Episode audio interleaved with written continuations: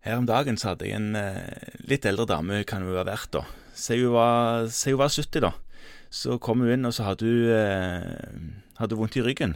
Ja. Så tok vi et bilde, og så viste det seg at hun hadde en sånn kompresjonsfraktur. ja. Det er jo Og så tenk- vanlig.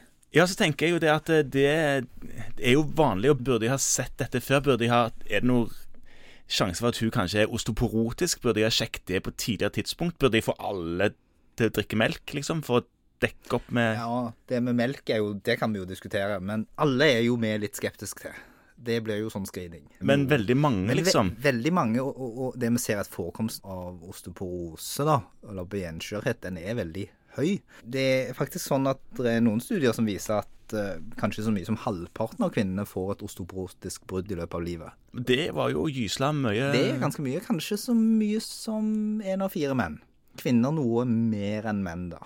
Og det er òg sånn at Norge, til tross for at vi jo er et land som er veldig glad i meieriprodukter, har veldig høy forekomst av benskjørhet på Ja. verdensbasis. Så vi knekker ofte. Det er ikke bare fordi det er glatt ofte. Nei, det er ikke det. Vi er skjøre. Og det er det nok mange årsaker til. En av disse tankene en har om det, er jo at vi sjelden ser solen. Og D-vitamin vet vi er viktig i forhold til mineraliseringen av skjelettet. Nettopp. Sånn at det er noe man skal tenke på oftere enn vi i dag gjør. Så du sier at det er underrapportert i en vanlig praksis. Det er nok veldig underrapportert i de fleste praksiser.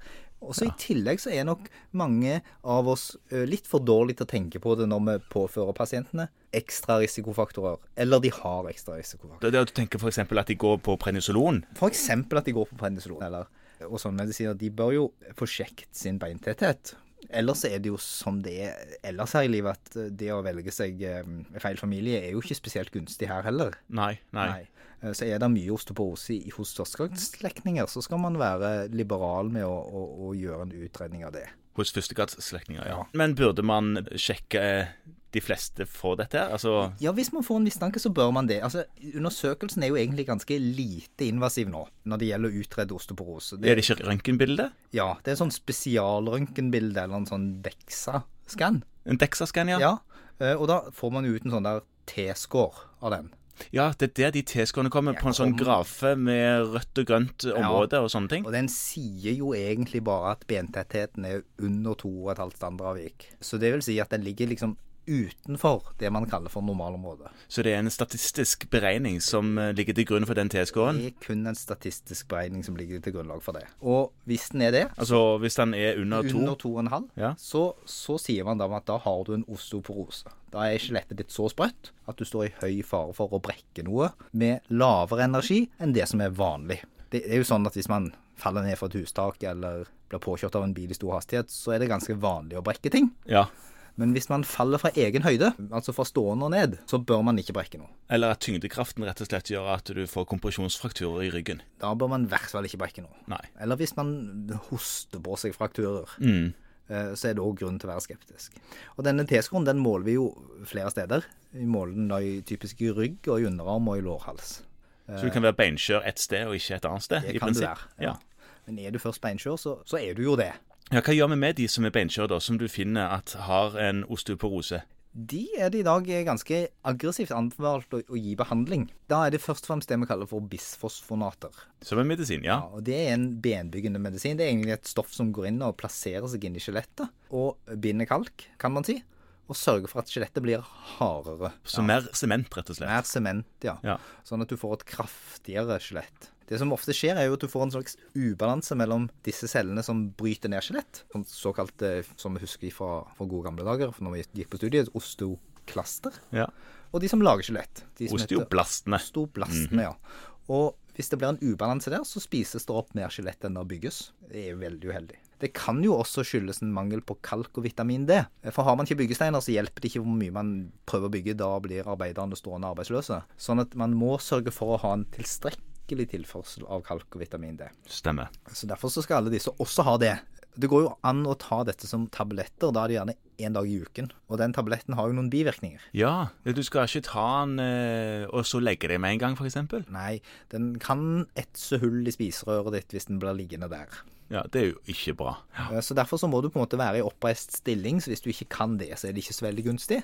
Og den kan jo heller ikke tas sammen med mat. Så det er litt sånn styrete. Men uansett en eh, medisin som vil bedre beinbygningen. Det vil den. Og så eh, går det altså an å ta den medisinen som en sprøyte, eller en medisinsk infusjon. Å ja. Den må du ta enten hos et legekontor som har mulighet til å gi infusjoner, eller på et sykehus. Så det er ikke alle legekontor som tilbyr den tjenesten? Nei, det er litt sånn styrte. Det skal gis intravenøst, Ja. og det tar litt tid. Og eh, man må jo ha en viss grad av såkalt anafylaksiprofylakse der for å, å holde det under kontroll. Så det er ikke alle som tilbyr det.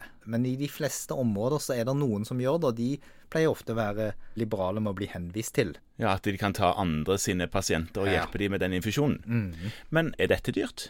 Altså, Infusjon er ofte dyrt, tenker jeg. Ja, infusjonen koster litt. Hvis du av forskjellige årsaker ikke kan ta tablettene, så får du det på blå resept. En sånn sprøyte koster rundt 1500 kroner nå, og det er én sprøyte i året. Ja, så det er ikke all verdens det heller. Men det er vel nyere medisiner som er enda dyrere? Ja, litt dyrere. Det er kommet et såkalt biologisk legemiddel. Og det er en sprøyte. Den må tas to ganger i året. Og det er også et alternativ for de som av forskjellige grunner ikke kan ta disse bisfosfonatene.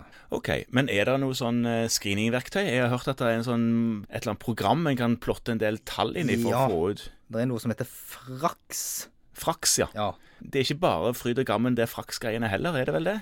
Nei, det er klart at alle sånne kalkulatorer har sine styrker og svakheter. Ja. Det du legger inn i den, er jo sånne vanlige parametere som alder og kjønn osv. Og så videre, og så videre, og så litt sånne andre risikofaktorer som eh, andre sykdommer, røykestatus, alkoholforbruk inngår der. Men det som kanskje ikke inngår der, som hadde vært nyttig for mange av oss, er jo på en måte at du sier ingenting om risikoen for fall, f.eks. Og den skiller litt dårlig på hvilke brudd du har hatt. Og det er Sånn, ja. Altså, Ja. Hvis du skal legge inn tidligere brudd, så er det litt sånn hva som helst kan gå inn der. Ja. Og det har vært kritikk mot den i at eh, den kanskje undervurderer faren av å ha hatt et tidligere lårhals- eller ryggbrudd. Har du hatt et kompresjonsbrudd i ryggen så, og er litt sprø i skjelettet ditt på en beintetthetsmåling, så har du høy bruddrisiko. Ja, Du trenger ikke noen frakskalkulator for å regne ut det. Nei. Nei. Og det siste som jeg vet at det har vært noe kritikk mot, det er at, at eh, den s- kanskje ikke godt nok ser på dosen av kortikosteroider. Som du tar. Ja, fordi at det er ganske kjelket å gå på 5 mg prednisolon daglig. Det gir en økt bruddrisiko, og de pasientene bør vi følge årlig. Selv en så lav dose som 5 mg daglig. Hvis du gjør det fast, ja. Men hvis jeg skal oppsummere dette her, da? Ja, Vi har en, en ting som er viktig Ja, ok. før vi oppsummerer, så skal Ja, ok. vi si en ting, og det er det at du bør evaluere behandlingen din. For de skal jo ikke gå på den behandlingen i det Men uendelige. det var sant. Det var Ja. bra du husket. Og det er sånn at det bør man revurdere etter tre år. Ok. Ja. Det er vel òg sånn at de skal ikke bruke disse bisfosformatene noe særlig mer enn det uansett. Nei. Etter to år kan du gjøre en vurdering, ta en bentetthetsmåling, og hvis den er gått opp, så kan du godt slutte. Ja. Og etter tre år, maksimalt fem, så bør du kutte ut behandlingen. For de vinner ikke noe mer på det. Dette binder seg irreversibelt i skjelettet, og det blir ikke borte, så det blir ikke bedre heller. Nei. Og da sitter du igjen med en medisin som i beste fall gir bivirkninger. Greit, så vi oppsummerer med at osteoporose er underbehandla. Ja. Eller ikke underbehandla, jo det òg for så vidt. Underbehandla, underrapportert. Tenk på det. Begynn å behandle, og revurder behandlingsindikasjonen etter tre års tid. Flott. Fint.